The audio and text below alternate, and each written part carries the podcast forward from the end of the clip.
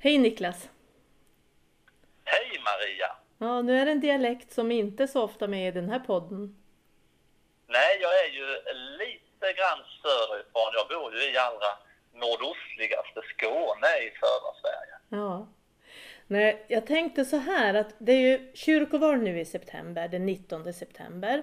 Och jag tänkte, ja men jag ville liksom prata om det i podden. Och då tänkte jag, vem, vem känner jag till som är, liksom har koll på kyrkan, som vet de här sakerna, som är, eh, som är aktiv på en lite högre nivå i kyrkomötet. Tänkte jag, ja men det är ju Niklas är ju en sån person, så jag tänkte, ja men Niklas är nog bra. Han kan nog berätta och förklara och eh, så vi kan diskutera just det här med varför är det så viktigt att, att rösta i kyrkovalet och varför, ja, varför ska man göra det och hur tänker vi omkring det? Och då har du ju kommit till eh, rätt person. Jag har ju varit eh, ledamot i kyrkomötet i Uppsala sedan eh, 2013, så åtta år har jag varit med där och de senaste fyra åren har jag dessutom varit gruppledare i kyrkomötet. Så lite koll har jag väl på hur kyrkoval och hur kyrkan styrs och hur det fungerar. Ja, jag tänkte, är det lite, alltså jag tänkte, det är inte så många när, jag tänker vilka som är engagerade i kyrkan så är det flest äldre personer. Men du är ju en ung person som är engagerad i kyrkan. Hur ser det ut? Ja, ja i, i kyrkomötet det är ju att jämföra med Svenska kyrkans riksdag. Där väljer vi ju från de 13 olika stiften. I, I ditt fall är det ju Luleå stift. Där väljer man ju sina kandidater och vi är ju 251 ledamöter totalt från alla Sveriges stift som träffas i Uppsala två gånger om året. Där är man ju noga med statistiken och hälften av ledamöterna är födda på 40 eller 50-talet. Så man kan väl konstatera då att hälften är över 62 och den andra halvan är under 62. Ja. Hur många är under 40 tror Ja, det är ju jag och, och några till. Det är säkert en handfull eller kanske 15-20. Så, så att det är ju några stycken. När jag var invald 2013, då var jag ju bara 25, så då var jag en av de allra yngsta. Men nu har jag ju blivit lite äldre här. Ja. Men vad var det som gjorde att du engagerade dig i kyrkan? Du är engagerad i så många saker. Jag vet ju att du älskar Melodifestivalen, att du älskar kungahuset, att du är så här porslins... Eh, Stig Lindberg som gillar ja, sådana grejer. Ju på, jag samlar ju på allt möjligt och är väldigt samhällsintresserad. Så eh, redan när jag var 18 för eh, 15 år sedan blev jag ju invald i kommunfullmäktige här hemma i Osby kommun. Och, och innan dess har jag ju faktiskt varit engagerad i Svenska kyrkans unga, i miniorer, juniorer och tonårsgrupp här hemma i församlingen. Så när det var kyrkoval och jag fick ställa upp för första gången Eh, 2009 så tänkte jag då kandiderar jag i det fallet för Centerpartiet här hemma. Och blev ju invald i kyrkofullmäktige. Och, och här hemma handlar det ju om att vi vill ju se till att Svenska kyrkan finns eh, runt om i hela pastoratet, att vi finns kring våra tre kyrkor och att vi har verksamhet runt omkring dem. Och även att vi hade mycket verksamhet för barn och unga så att en ny generation kan växa fram i Svenska kyrkan. Men även mycket har det varit med diakonin för de människor som upplever sig ensamma, vill träffa andra.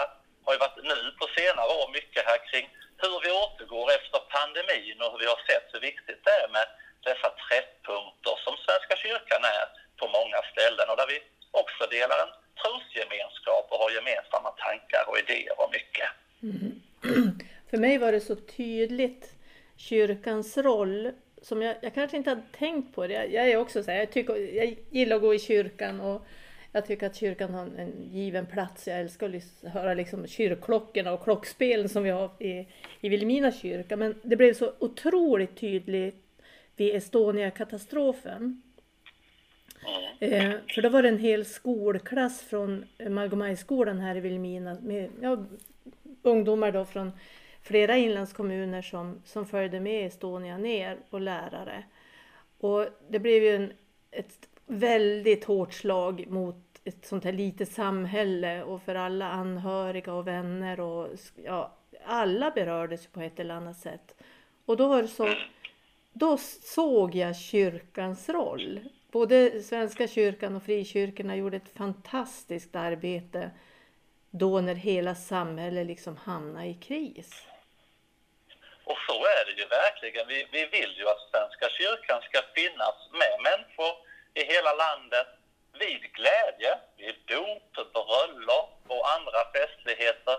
Men också vid absoluta sorgen när människor har det svårt. Och i de här fallen blir det ju sen i krisarbete, begravningar och andra delar. Så Svenska kyrkan är ju en institution i Sverige som ju är med oss vid de viktigaste och de gladaste och sorgligaste punkterna i hela livet. Så det tycker jag ju är viktigt att, att vi bevarar så att vi kan ha det kvar även framöver så att vi i framtiden fortfarande kan höra kyrkklockorna ringa mm. varje timme till exempel. Vad, vad tycker du, vad är viktigast för dig? Alltså vad är det som engagerar dig mest? Det som engagerar mig mest är ju den öppna folkkyrkan. Jag tycker det är så oerhört viktigt att, eh, att Svenska kyrkan står öppen i varje församling och välkomnar alla människor. Mm. Oavsett om man är troende, tvivlare eller kanske sökare, oavsett hur långt man har kommit på trons väg, eller faktiskt tycker jag, om man är medlem eller inte, man ska vara välkommen till Svenska kyrkan ändå. Man ska alltid tas emot dem med öppna armar i Svenska kyrkan och jag tycker det är en mycket fin tanke och en mycket fin verklighet som vi har i Svenska kyrkan idag den tycker jag är jätteviktig att bevara. En kyrka som med kraft arbetar för alla människors lika rättigheter och värde och som samtidigt jobbar med inkludering, öppenhet och tolerans. Det tycker jag är en väldigt övergripande och viktig del som Svenska kyrkan genomsyras till stor del idag, men som jag tycker att vi måste hela tiden fortsätta att arbeta med. Mm. Det är för mig det viktigaste grunden, tycker jag, varför jag engagerar mig i Svenska kyrkan. Mm. Jag har läst lite insändare och sånt här som har liksom menar på att kyrkan ska bara vara för den som eh, den som tillhör den kristna församlingen och eh, liksom ganska så här tajt gäng som ska få vara, ja. liksom, rösta i kyrkoval och eh, gå i kyrkan och så. Det, det, kan jag väl känna är lite, jag ligger långt ifrån vad jag tycker. För jag tycker just som du att det är viktigt att alla, alla människor ska vara välkomna till kyrkan. Det blir ju väldigt exkluderande med en, en sån hållning. Så vi ska komma ihåg att beroende på olika ställen i landet, men mellan 60 och 70 procent av svenska befolkningen är ju ändå medlemmar i Svenska kyrkan. Men det är ju en mycket liten andel som besöker gudstjänster varje söndag. Men det finns ju så många andra kyrkliga verksamheter med träffpunkter i församlingshem, förskola, en del driver äldreboende eller har träffar för äldre. Mm. Och samtidigt, Svenska kyrkans grunduppdrag är ju att fira gudstjänst, bedriva undervisning, mission och diakoni.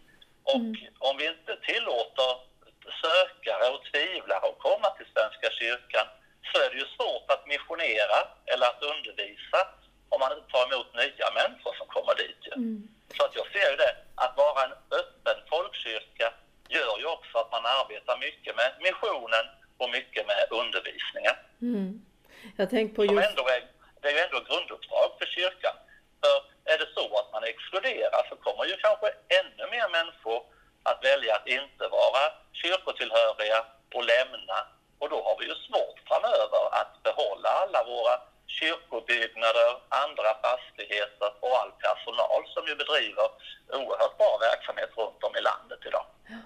Jag, jag gillar verkligen det här. Ja, nu under pandemin har det ju varit som det har varit men jag vet att min mamma blir inbjuden till träffar med, eh, för daglediga. Och min mamma bor ju i en väldigt liten by. Och jag tycker att det där är så himla fint att, att man, kyrkan finns liksom där människorna finns. Även om man bor ute i en liten by så blir man bjuden till de här träffarna som kan vara hemma hos någon, någon annan människa eller ja, när det inte finns kyrkolokaler och så eller någon bygdegård eller vad det nu kan vara.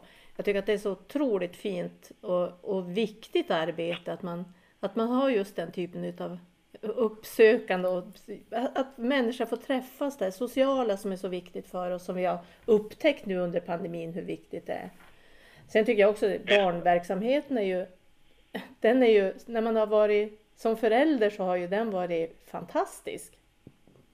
Mm, visst är det så och eh, det är ju inte kyrkan som byggnad som är kyrka utan det är ju alla vi kyrkotillhöriga medlemmar som är kyrka och därför kan man ju vara kyrka var som helst. Man kan ju träffas i någon bygdegård, någon annan eh, träffpunkt eller annat och, och ha kyrklig verksamhet. Och det är ju det som är så enkelt med Svenska kyrkan idag.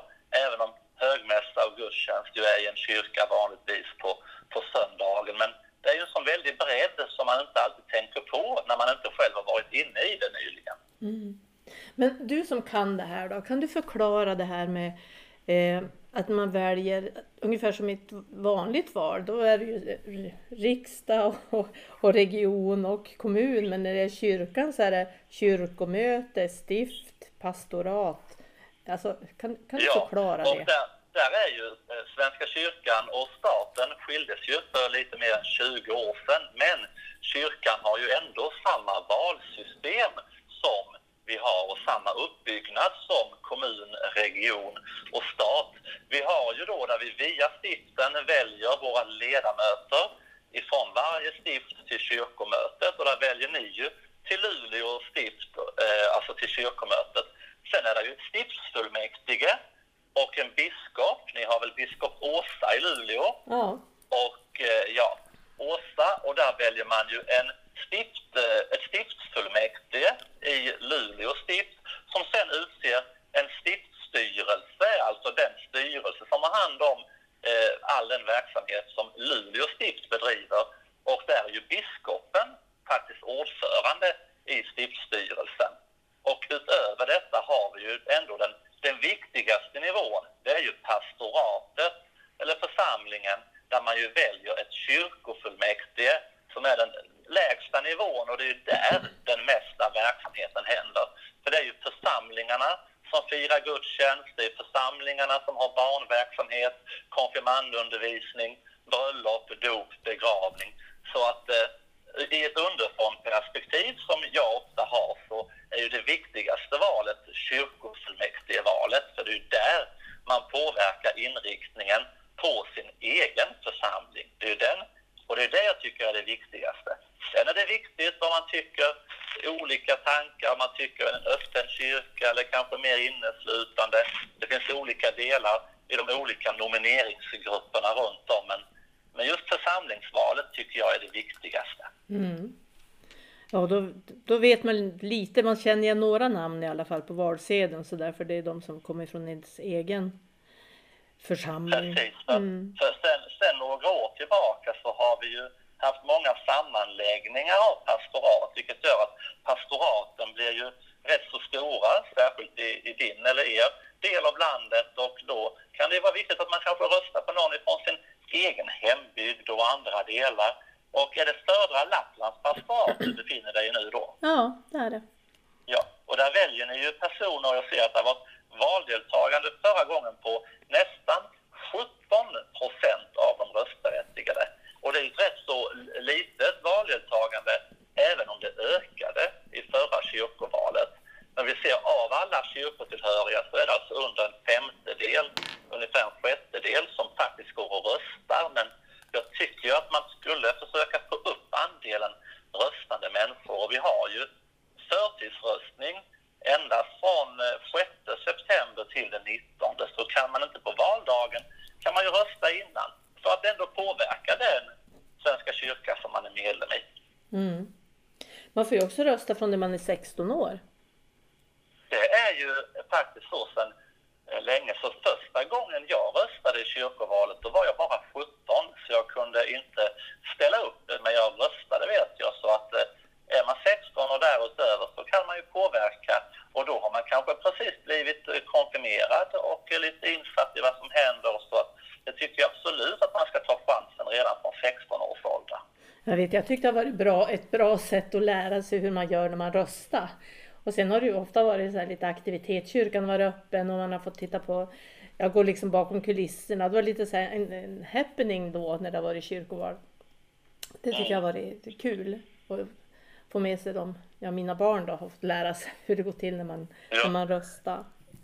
Men... Och kyrkovalet, även om det ibland kallas det bortglömda valet, så är det ju ett viktigt val ändå, för det påverkar ju många människor vilken väg man tycker församlingen eller stiftet eller kyrkomötet ska gå. Så man får ju sätta sig in i de olika nomineringsgruppernas frågor och sen rösta efter vad man tycker där. Mm. Men det där tycker jag är svårt.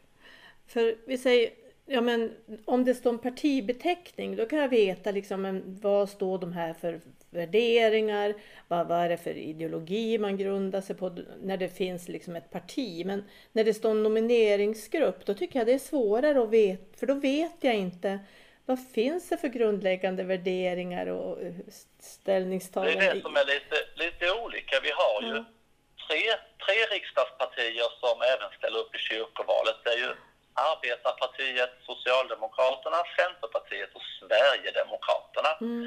Men sen finns det ju andra grupper som heter miljöpartister i Svenska kyrkan, fria liberaler i Svenska kyrkan, kristdemokrater i Svenska kyrkan, så man ändå kan känna lite grann vilka strömningar de har. Mm. Vi har den mer allmänborgerliga fria gruppen som är sprungen ur Moderaterna, borgerligt alternativ.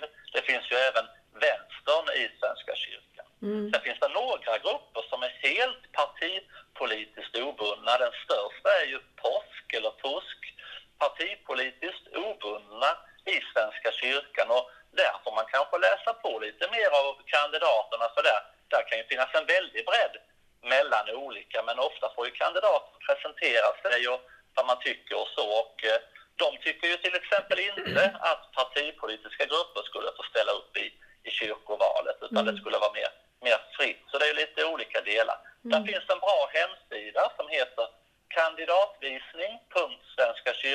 kandidatvisning.svenskakyrkan.se Där slår man in sitt postnummer. Vad har du för postnummer Maria? 912 32 har jag till exempel. Då slår jag in där, då får jag upp att du bor i, vad står det nu här? Du bor i Luleå stift, Vilhelmina kommun och Vilhelmina församling. Och då får man upp där alla eh, nomineringsgrupper man kan välja till kyrkomötet med kandidater och till stiftet och även till kyrkofullmäktige. Så i, i din hemförsamling eller pastorat så kan man välja på Arbetarpartiet Socialdemokraterna, Borgerligt alternativ, Centerpartiet, Fria Liberaler, Kristdemokrater, partipolitiskt obundna och Sverigedemokraterna. Så där kan man se alla kandidater i de olika listorna. Så det är rätt så bra, för det är ju lätt att få se vad det finns att välja på då här. Mm. Vad sa du? Vad heter det? Kandidat? Den heter kandidatvisning.svenskakyrkan.se. I sin hemförsamling och hempastorat känner man kanske igen, men just till stiftsfullmäktige och annat är ju valkretsarna så mycket större så att där är det kanske inte lika lätt att hålla reda på alla människor som är med. Nej, Nej det var bra, ett bra tips. Det måste man ju Ja, och där slår, man, där slår man in sitt postnummer eller kan man leta upp det själv så ser man ju vilka kan jag rösta på i kyrkovalet 2021. Så den, den är jättebra om man tittar och hittar man sen en grupp man tycker om så kan man ju sen välja kandidat för du kan ju också kryssa tre olika kandidater som det ser ut här. Mm. På varje valsedel. Kan man kryssa tre på varje valsedel? Mm. Ja, så har det ju varit i, i kyrkovalet här, mm. så att där finns ju att välja på.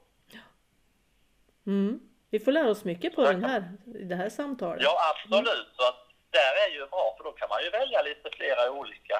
Och eh, tycker jag ju är spännande. Då kan man ju välja en man och en kvinna och kanske en, en präst eller en man och en kvinna och en ungdom eller, eller kryssar man bara en person. Så att det, det tycker jag är, är bra. Så mm. att det, då står du kan kryssa upp till tre kandidater. Mm. Och det ökar ju deras, just den personens chans att bli vald då. Mm. Men hur ser det ut nu när det, det är valrörelse? Man har ju inte märkt så mycket av, av att det är kyrkoval nu om drygt en månad.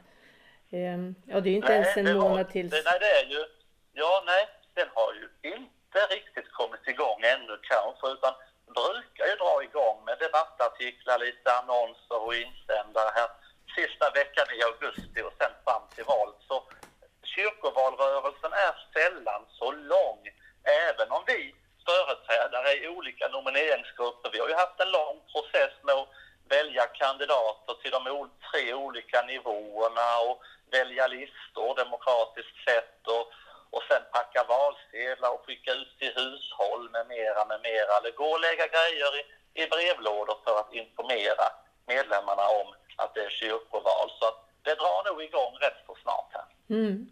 Ja. ja, det är ju mindre än en månad tills förtidsröstningen börjar. Ja, absolut. Så ja. från den 6 september så är det förtidsröstning och där kommer ju röstkort hem till de som är medlemmar och på röstkortet brukar det stå när förtidsröstningen är och var. Annars kan man ju på Svenska kyrkans valhemsida också se var man kan rösta. Så att det är rätt så enkelt att ta reda på. Mm. Bra. Men förutom kyrkoval då, nu, du, du lägger ner rätt mycket tid på det nu antar jag framöver, den här dryga månaden. Ja, ja mm. det blir det ju. Mm. Vad, vad, vad, vad engagerar dig mer än det just nu? Är det något som händer? Ja, det sa vi ju inte inledningsvis. Utöver det så är jag även, jag är kommunstyrelsens ordförande i, i Osby kommun, så nu är vi ju mitt inne med budgetprocesser och vi vet ju hur det, när verksamheter, vi önskar ju klart mer pengar och mer medel, men det är ju inte alltid det finns, så det handlar ju hela tiden om att lägga en budget i balans, att effektivisera verksamhet, att prioritera och vi har ju budgetkommunfullmäktige här om eh, också ungefär en månad så att vi är mitt inne i det arbetet som ska dra igång här igen. Vi påbörjade före sommaren och mycket med investeringar i nya skolor och någon förskola och brandstation med mera. Så att det, det är rätt så mycket på agendan här under hösten. Mm. Jag förstår det. Ja. ja, du vet hur det kan vara Maria. Du har ju erfarenheter även av det uppdraget. Ja. ja, så är det. Jag vet hur det kan vara. Men om man nu blev nyfiken på, på Niklas Larsson i Osby och kände att ja, men här var en, en man som kan mycket om kyrkan och jag har lite funderingar och frågor. Hur, hur nog får man fatt på dig då? Man kan ju antingen mejla, jag har ju Niklas med K, Larsson med dubbel S, alltså niklas.larsson snabel centerpartiet.se. Jag är ju gruppledare för Centerpartiet i kyrkomötet. Annars kan man alltid kontakta mig på sociala medier. Instagram heter jag bara Niklas Larsson Osby. Det finns även att hitta bland Marias vänner på Facebook, så att där finns nog att hitta om man har någon fråga. Ja, bra.